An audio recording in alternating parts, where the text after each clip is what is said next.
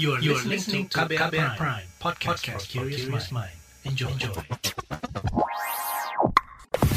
KBR Pagi. Awali hari Anda dengan mendengar beragam informasi seru dan terupdate cuma di KBR Pagi. Cuma di KBR Pagi.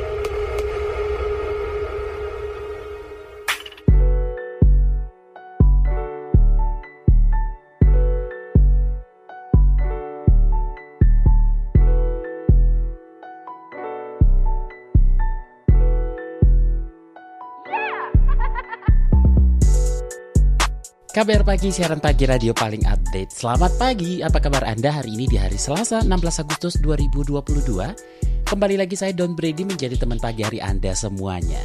Kita ngobrolin soal netizen keluhkan sulitnya nemu pertalite. Jadi mulai dari antrian mengular panjang sampai harus berburu ke beberapa SPBU dulu buat bisa nemuin pertalite, belakangan ini jadi bahan curhatan netizen tanah air. Kalau kalian sendiri apakah punya pengalaman yang sama atau masih adem ayem bisa dapat BBM bersubsidi ini sesuai kebutuhan? Pertanyaannya warganet sih emang Pertalite udah langka ya?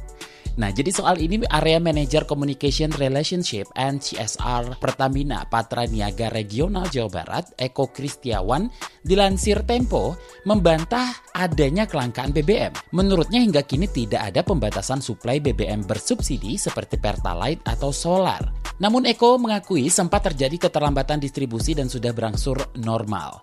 Pihak Pertamina juga menyatakan secara nasional stok Pertalite aman selama 17 hari ke depan, sementara stok solar sampai 19 hari ke depan.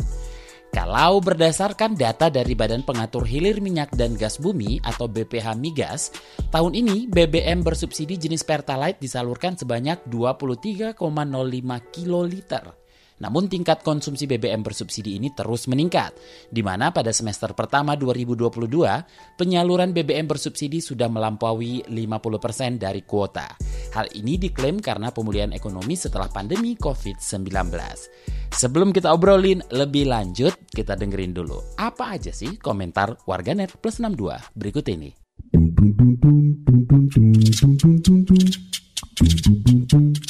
Kita ke komentar at Anis XX Pertalite lagi langka, yuk pindah ke transportasi umum aja. Lalu lanjut komentar at DNXX Ketua DPR RI menjelaskan bahwa jenis BBM bersubsidi sudah membebani APBN dan perlu rencana cadangan dalam penyalurannya. Lalu lanjut komentar at NKRIXX harus siapkan cadangan nih. At Rian XX jangan sampai terjadi kelangkaan. Komentar at Asmar XX kalau mau naik, naik aja lah yang penting stok ada dan tercukupi di masing-masing wilayah. Lalu at Shield XX pilihannya langka atau naik ya? Komentar at Gamma XX udah tau bakal naik jadi pada ditimbun atau gimana? Komentar at Ochim XX harusnya buat peraturan Pertalite hanya untuk motor maksimal 160cc dan mampu dan melarang mobil pribadi memakainya karena nggak sedikit orang kaya bermobil tapi mengkonsumsi Pertalite. Kalau mereka mau beli Pertalite ya harus pakai motor. Dan terakhir komentar at sahabat XX, aku naik sepeda aja deh.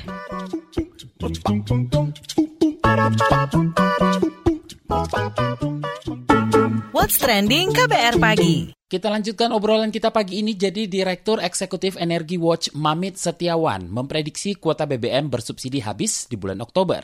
Mamit menduga kelangkaan BBM disebabkan langka penghematan stok BBM subsidi yang ada saat ini. Menurutnya perlu pembatasan dan revolusi subsidi BBM di Indonesia karena masalah kelangkaan dan beratnya beban APBN akan terus berlangsung jika tidak ditangani dengan benar. Mamit juga menyarankan pemerintah untuk menaikkan harga Pertalite dan mempersempit disparitas harga dengan BBM lain. Lebih lengkapnya, kita ngobrol bareng Direktur Eksekutif Energy Watch, Mamit Setiawan. Pak Mamit, belakangan warganet mengeluhkan Pertalite yang kosong di beberapa SPBU. Sementara isu menaikkan harga BBM bersubsidi karena memberatkan APBN juga menuai protes. Menurut Anda, skema apa yang mesti ditempuh pemerintah terkait persoalan kelangkaan BBM dan uh, beban APBN ini? Yang pertama, kalau memang terkait dengan permasalahan kelangkaan BBM ini kan ada utama BBM subsidi ya, solar maupun pertalite. Karena memang kan mereka itu dibatasi oleh kuota ya Jadi di pemerintah dan DPR sepakat untuk dalam satu tahun itu menetapkan kuota bagi uh, pertalite maupun uh, solar subsidi. Di mana kalau berdasarkan perhitungan saya, perhitungan kami itu kuota ini akan habis di bulan Oktober. Sehingga kuota ini bisa disesuaikan dengan kuota yang sudah ada. Makanya terjadi beberapa kelangkaan ataupun antrian panjang lah PSBU. Karena memang kan BPH Migas ini mengatur kuota sampai ke tingkatan paling bawah dalam hal ini adalah sampai ke SPBU SPBU. Nah dengan demikian uh, ini yang terjadi saat ini adalah kelangkaan. Oleh karena itu menurut saya ada beberapa poin yang sebagai salah satu solusi ya. Yang pertama adalah kalau memang pemerintah memperhatikan daya beli masyarakat dan dengan tetap di tengah kondisi baru selesai pandemi, mau tidak mau suka tidak suka pemerintah harus menambah kuota pertalite maupun solar subsidi. Di mana kalau berdasarkan perhitungan kita, pertalite itu kurang lebih sampai akhir tahun itu dibutuhkan kurang lebih 5 juta, 5 juta kiloliter. Dan untuk solar subsidi itu kurang lebih 1,4 sampai dengan 1,5 juta kiloliter penambahan kuotanya sampai akhir tahun. Di mana dana yang dibutuhkan untuk penambahan APBN dengan perhitungan untuk solar subsidi itu di angka 13 ribu selisihnya kurang lebih ada 19,5 triliun lah untuk solar subsidi dibutuhkan. Sedangkan untuk pertalite itu dengan selisih 9 ribu kurang lebih dibutuhkan 45 triliun. Jadi kurang lebih hampir 65 triliun lah yang dibutuhkan untuk penambahan solar subsidi maupun pertalite sampai akhir tahun. Itu yang pertama. Yang kedua jika pemerintah serius untuk melakukan pembatasan saya kira revisi Perpres 191 2014 ini menjadi kunci. Ini harus menjadi kunci kalau pemerintah mempunyai political will dan keberanian untuk melakukan pembatasan. Karena Pertamina sampai saat ini hanya melakukan pendataan terlebih dahulu terkait dengan program aplikasi My Pertamina, tetapi mereka tidak bisa melakukan implementasi karena sampai saat ini revisinya masih belum selesai. Nah, yang ketiga saya kira adalah dengan menaikkan harga pertalite maupun solar subsidi, di mana memang disparitas harga ini menjadi salah satu penyebab utamanya. Dengan adanya kenaikan harga, maka ada ruang bagi APBN kita untuk menambah kuota saya kira. Dan memang berdasarkan perhitungan idealnya adalah untuk pertalite itu mungkin di angka sepuluh ribu rupiah. Sedangkan untuk solar subsidi itu kenaikan mungkin berkisar di angka tiga ribu dari sekarang ya mungkin di delapan ribuan ya delapan ribuan per liter lah. Tetapi memang ada potensi yang namanya gejolak sosial di masyarakat ya kan pastinya akan ada penentangan-penentangan lah tinggal sejauh mana pemerintah mau mengambil resiko kebijakan yang tidak populis tersebut gitu ya. Nah Pertamina sendiri menampik kalau stok Pertalite langka namun uh, ada warning bahwa stok hanya sisa 18 hari. Ada pengaruhnya nanti terhadap pemenuhan kebutuhan BBM di masyarakat dan apa yang mesti dilakukan pemerintah soal ini? Iya stok memang tidak langka betul teman-teman Pertamina betul dan 18 hari stok nasional iya betul. Tetapi kan tadi saya bilang bahwa ada kuota yang ditetapkan oleh pemerintah ya kan mereka pasti akan bekerja dengan sisa kuota yang ada sebisa mungkin tidak over kuota. Karena kalau sampai terjadi over kuota siapa yang akan bertanggung jawab dalam mengganti kelebihan tersebut gitu kan ya? Karena sama belum ada penambahan kuota saya kira teman-teman Pertamina berat untuk menambah kecuali Kementerian Keuangan menyetujui adanya penambahan kuota sebagaimana yang sudah disepakati sebenarnya di dalam rapat kerja antara DPR dan Komisi 7 pada bulan April. Kalau tidak salah ada penambahan kuota tersebut. Tapi sampai sekarang kan Kementerian Keuangan belum menyetujui. Selain itu adakah yang perlu dibenahi terkait subsidi terhadap BBM? Yang pasti memang kita harus merubah, melakukan revolusi ataupun reformasi terhadap pola subsidi kita dari subsidi berbasis barang menjadi posisi berbasis orang. Nah, tinggal bagaimana e, kesiapan dan juga keseriusan pemerintah dalam melakukan reformasi terhadap pola subsidi tersebut gitu. Karena pasti akan memakan berdampak terhadap perekonomian gitu kan ya. Pun kalaupun memang tidak mau ya tadi harus menaikkan harga agar disparitasnya tidak terlalu jauh. Kalau mau pembatasan ya ya revisi perpresnya dibenerin deh. Misalnya untuk pertalite hanya untuk kendaraan roda dua dan angkutan umum plat kuning itu lebih mudah. Solar subsidi hanya untuk kendaraan plat kuning ataupun nanti dibatasi dengan maksimal rodanya 6 dengan pembelian maksimal 100 liter misalnya. Itu saya kira cukup membantu menyelamatkan keuangan APBN. Asal pemerintah berani lah. Selama kemarin-kemarin kan sampai saat ini kan pemerintah hanya berkeluh kesah, tetapi revisinya tidak kunjung keluar. Di tengah masalah ini, Anda melihat keterdesakan pemerintah untuk mempercepat peralihan ke kendaraan listrik atau energi terbarukan? Saya kira kita kalau berbicara itu mau mau tidak mau memang ini akan akan terjadi ya. Apalagi kita punya komitmen NDC yaitu mengurangi emisi gas rumah kaca 29 persen pada 2030. Bahkan kita targetkan menuju net zero emission pada 2060 ya. Jadi saya kira ke arah sana memang akan terjadi. Hanya saja kan sampai sejauh ini belum ada satu kebijakan, belum ada kebijakan yang dari pemerintah untuk mempercepat kendaraan listrik tersebut gitu loh. Nah sejauh ini kan harga kendaraan listrik saya kira masih cukup tinggi ya kan. Stimulus dari pemerintah agar kendaraan listrik menjadi lebih murah belum terjadi. Nah jadi masih saya kira masih cukup banyak poin-poin yang harus dilakukan oleh pemerintah. Terus belum lagi terkait dengan infrastruktur sejauh mana kesiapan SPK, apa, SPKLU yang ada di daerah-daerah. Kalau memang nanti pemerintah akan mempercepat ataupun memperbanyak eh, populasi daripada kendaraan listrik. Jadi masih banyak PR-nya sih saya kira kalau kita menuju arah. Belum lagi nanti terkait dengan ya, desain kendaraan, belum lagi nanti kebijakan fiskal, belum lagi nanti kalau kita bicara terkait dengan eh, lingkungan misalnya bagaimana nanti recycle daripada baterai seperti apa kan ini masih belum dipikirkan. Ya. Terima kasih Direktur Eksekutif Energy Watch Mamit Setiawan. Newsbeat. Skuad Tim Nasional Indonesia U16 mendapatkan bonus sekitar 1,3 miliar rupiah usai menjuarai Piala AFF 2022. Bonus diberikan PSSI saat tim asuhan Bima Sakti itu tiba di Jakarta kemarin. Bonus itu naik hampir setengahnya dari rencana awal yakni 750 juta rupiah. Sekjen PSSI Yunus Nusi mengatakan bonus ke Garuda Asia masih berpeluang bertambah. Kata dia ini menjadi bentuk apresiasi PSSI kepada pemain. Tim akan dibubarkan pada Kamis mendatang. Setelah itu para pemain akan dikumpulkan lagi untuk pemutusan latihan guna mengikuti turnamen selanjutnya. Timnas U16 Indonesia menjadi juara Piala AFF usai mengalahkan Vietnam di laga final Jumat kemarin. Ini merupakan gelar keempat turnamen level usia dalam 10 tahun terakhir. Pemerintah Arab Saudi mengizinkan pemegang visa turis mengikuti peribadahan umroh mulai tahun ini. Kementerian Urusan Haji dan Umroh Saudi mengkonfirmasi 49 negara termasuk pemilik visa Schengen bisa melaksanakan ibadah umroh. Kebijakan ini dibuat sebagai bentuk kelonggaran dan usaha meningkatkan kunjungan sesuai target visi 2023 dari Arab Saudi. Para pemegang visa bisa langsung mendaftarkan diri melalui visit Saudi Arabia. Selain itu, pengunjung diperbolehkan mengurus visa setelah tiba di di Arab Saudi. Kebijakan baru ini memungkinkan para pengunjung memiliki visa yang aktif selama 12 bulan tanpa pengajuan izin terlebih dahulu. Jaehyun NCT dipastikan akan merilis lagu solo perdananya pada 18 Agustus 2022. SM Entertainment mengungkapkan lagu solo member NCT tersebut bertajuk Forever Only. SM Entertainment mengatakan lagu solo Jaehyun merupakan proyek NCT Lab. Selain menyanyikan lagu tersebut, Jaehyun juga dikabarkan menulis lirik lagu tersebut. Lagu Forever Only memiliki genre R&B dan mengisahkan perasaan orang yang ingin berada di sisi seseorang, bahkan ketika semuanya pergi dan menghilang hilang. What's trending KBR pagi? Netizen keluhkan sulitnya nemu pertalite itu yang kita obrolin pagi ini. Jadi dalam konferensi pers APBN kita 11 Agustus 2022, Menteri Keuangan Sri Mulyani meminta PT Pertamina mengendalikan BBM bersubsidi agar tidak membebani anggaran pendapatan dan negara. Sri Mulyani mengatakan saat ini stok BBM bersubsidi menipis dan memerlukan tambahan pasokan. Namun hal ini berpotensi menambah beban berat APBN. Sementara itu, alarm kenaikan harga BBM terdeteksi dari pernyataan Menteri Investasi Kepala Badan Koordinasi Penanaman Modal, Bahlil Lahadalia, yang membuka kemungkinan BBM bersubsidi akan dinaikkan. Dia meminta masyarakat bersiap akan kenaikan harga BBM mengingat harga minyak terus meroket di pasar global. Lantas bagaimana sih solusi dari masalah beratnya beban anggaran pendapatan dan belanja negara yang disebabkan tingginya kebutuhan BBM subsidi di Indonesia?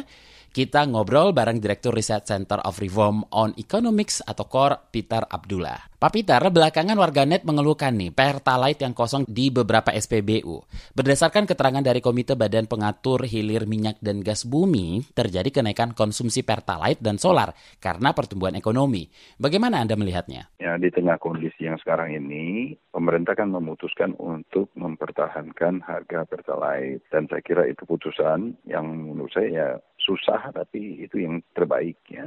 Karena mempertahankan harga itu artinya beban subsidi naik. Untuk mengurangi beban subsidi, satu-satunya jalan adalah dengan mengurangi volume konsumsi pertalite. Dan ini hanya bisa dilakukan dengan membuat mekanisme dari distribusi tersebut menjadi lebih tepat sasaran. Jadi saya, menurut saya memang seharusnya distribusi dari Pertalite ini harus di, dibatasi, ya. tidak semua tempat, ya Jadi agar supaya benar-benar bisa tepat sasaran. Kemarin kan sempat pemerintah memikirkan mekanisme distribusinya dengan menggunakan My Pertamina. Nanti kan kelemahannya My Pertamina itu justru tidak banyak diakses, tidak banyak dipergunakan oleh masyarakat bawah. Sementara subsidi seharusnya dipergunakan oleh masyarakat bawah. Sekarang ini memang menurut saya tidak semua tempat, tidak semua SPBU memang melayani Pertalite seharusnya. Jadi wajar saja kalau di beberapa tempat Pertalite-nya kosong ya, atau jumlah yang bisa layani tidak banyak ya karena memang pemerintah harus memikirkan bagaimana mengurangi volume dari atau memanfaatkan yang ketersediaan dari pertalite yang ada itu yang terbatas itu. Jika opsi kenaikan harga ditempuh, apa saja yang mesti menjadi pertimbangan dan perhitungan? Nah, kalau yang jadi bahan pertimbangan adalah dampak dari kenaikan harga itu. Kalau naik harga sekarang siapa yang mau? Masyarakat juga nggak mau. Dan dampaknya itu memang besar negatifnya. Ya, inflasi pasti akan melompat tinggi itu. Kenaikan harga pertalite akan memicu kenaikan harga barang-barang lainnya. Itu yang menjadi pertimbangan utama dari pemerintah. Ya. Gejolak inflasi itu akan memunculkan gejolak yang lain. Nah ini yang harus benar-benar dicegah ketimbang kita mengalami dampak negatif dari kenaikan harga pertalite itu yang saya kira akan besar ya karena inflasinya bisa menjadi tidak terkendali yang pemerintah kan memang harus mempertahankan harga pertalite, tapi di sisi lain distribusi pertalite ya harus diperbaiki agar yang mengkonsumsi pertalite benar-benar mereka yang berhak untuk itu ya. Mereka yang mendapatkan subsidi kan seharusnya adalah kelompok masyarakat bawah. Jadi yang membeli pertalite ya memang harusnya yang masyarakat masyarakat yang memang sesuai dengan kriteria untuk bisa mendapatkan bantuan subsidi itu. Seperti apa nanti pengaruhnya terhadap kemampuan dan kemauan untuk membayar? Bukan hanya kepada pertalite-nya yang dikhawatirkan oleh pemerintah. Pertalite-nya misalkan naik ya dari 7.500 menjadi 15.000. Mungkin kita bisa beli satu liter pertalite. Tapi kan yang kita pikirkan adalah selain pertalite naik itu menjadi 15.000 itu barang-barang lain naik semua.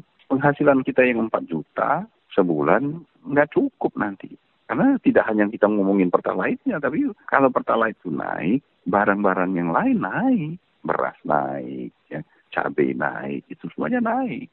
Nah, ini yang dikhawatirkan itu itu. Jadi yang saya sebutkan sebagai inflasi yang bergerak liar itu di sana. Karena ekspektasi inflasi akan terbentuk di situ. Dan itu akan mendorong produsen untuk menaikkan harga barang-barangnya yang mungkin sebenarnya nggak ada kaitannya dengan pertalite. Nah, apakah pilihannya hanya stok yang terbatas atau harga naik saja? Dan nggak ada opsi lain? Ada opsi lainnya, ada center class yang biayain semuanya. Maksud saya nggak ada alternatif lain. Cuman itu yang ada. Kecuali kalau kita ada konglomerat yang kemudian mau bagi-bagi duit ya mungkin bisa ya tapi kalau enggak nggak ada nggak mungkin ada itu solusi itu hanya ada dua menaikkan harganya atau mengurangi distribusinya yang membatasi distribusinya dengan tujuan agar supaya ya lebih tepat sasaran. Ya kalau kita harganya dinaikkan, berarti kita masih pemerintah beban subsidinya bisa dikurangi dan volumenya tetap banyak.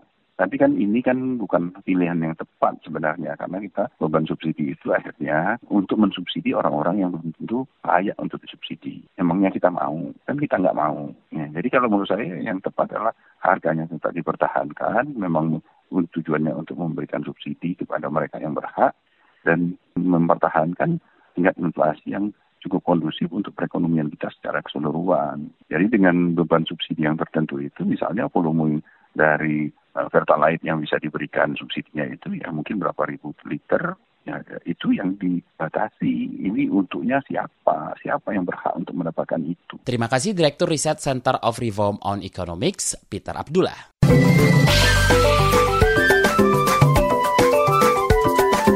WhatsApp Indonesia.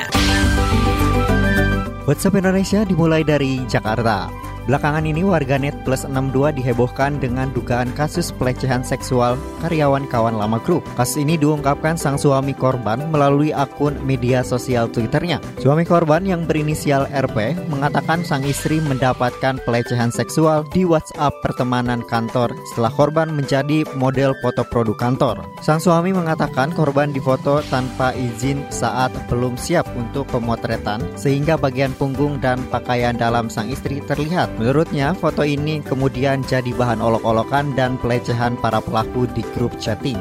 Tanggapan dan kalimat-kalimat tidak pantas pun diduga ditujukan kepada korban. Usai memviralkan kasus ini, sang suami mengaku akan menghadapi tim HR dan membuat gugatan. RP juga mengaku tengah mempertimbangkan langkah hukum terkait kasus pelecehan seksual tersebut. Menurutnya, sang istri bekerja untuk membantu perekonomian, namun kasus pelecehan ini membuatnya memutuskan berhenti bekerja. Sementara itu, perusahaan kawan lama grup mengklaim pihaknya menentang segala perilaku pelecehan dan akan mengusut kasus dugaan pelecehan seksual tersebut. Melalui akun Instagram @kawanlamagroup mengatakan pihaknya tidak akan mentoleransi kasus tersebut dan berkomitmen menghilangkan perilaku pelecehan di tempat kerja. Selanjutnya menuju Nusa Tenggara Timur.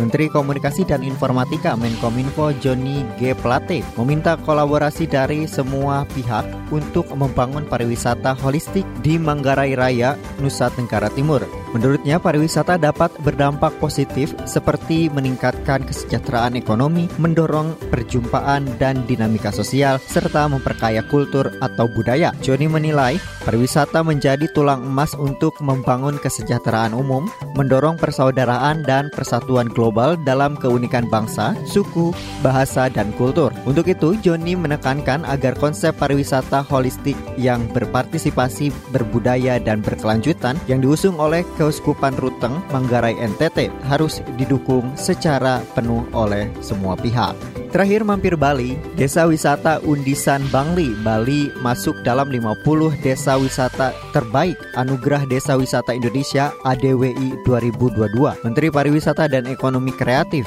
Menparekraf Sandiaga Salahuddin Uno berharap pengelolaan daya tarik yang dihadirkan para pelaku pariwisata di Desa Wisata Undisan dapat menginspirasi daerah lain dalam mengembangkan pariwisata dan ekonomi kreatif yang berkualitas dan berkelanjutan. Saat melakukan kunjungan ke Desa Wisata Undisan di Bangli, Sandi mengatakan pengelola Desa Wisata Undisan adalah salah satu yang terbaik karena mengedepankan pariwisata berbasis masyarakat yang menjunjung tinggi komunitas adat. Desa Wisata Undisan berada di Kecamatan Tembuku, Kabupaten Bangli. Masyarakat Desa Undisan kebanyakan berprofesi sebagai petani, peternak, dan pengrajin kerajinan bunga emas dan perak. Hal ini yang kemudian dikemas dengan sangat baik oleh pengelola Desa Wisata Undisan. Ini juga didukung dengan suasana alam yang asri dan sejuk, membuat Desa Wisata Undisan menawarkan pariwisata yang memiliki daya tarik tinggi. Desa Wisata Undisan di bawah naungan Desa Adat Undisan Kelod yang masih menjaga kelestarian seni dan budaya dengan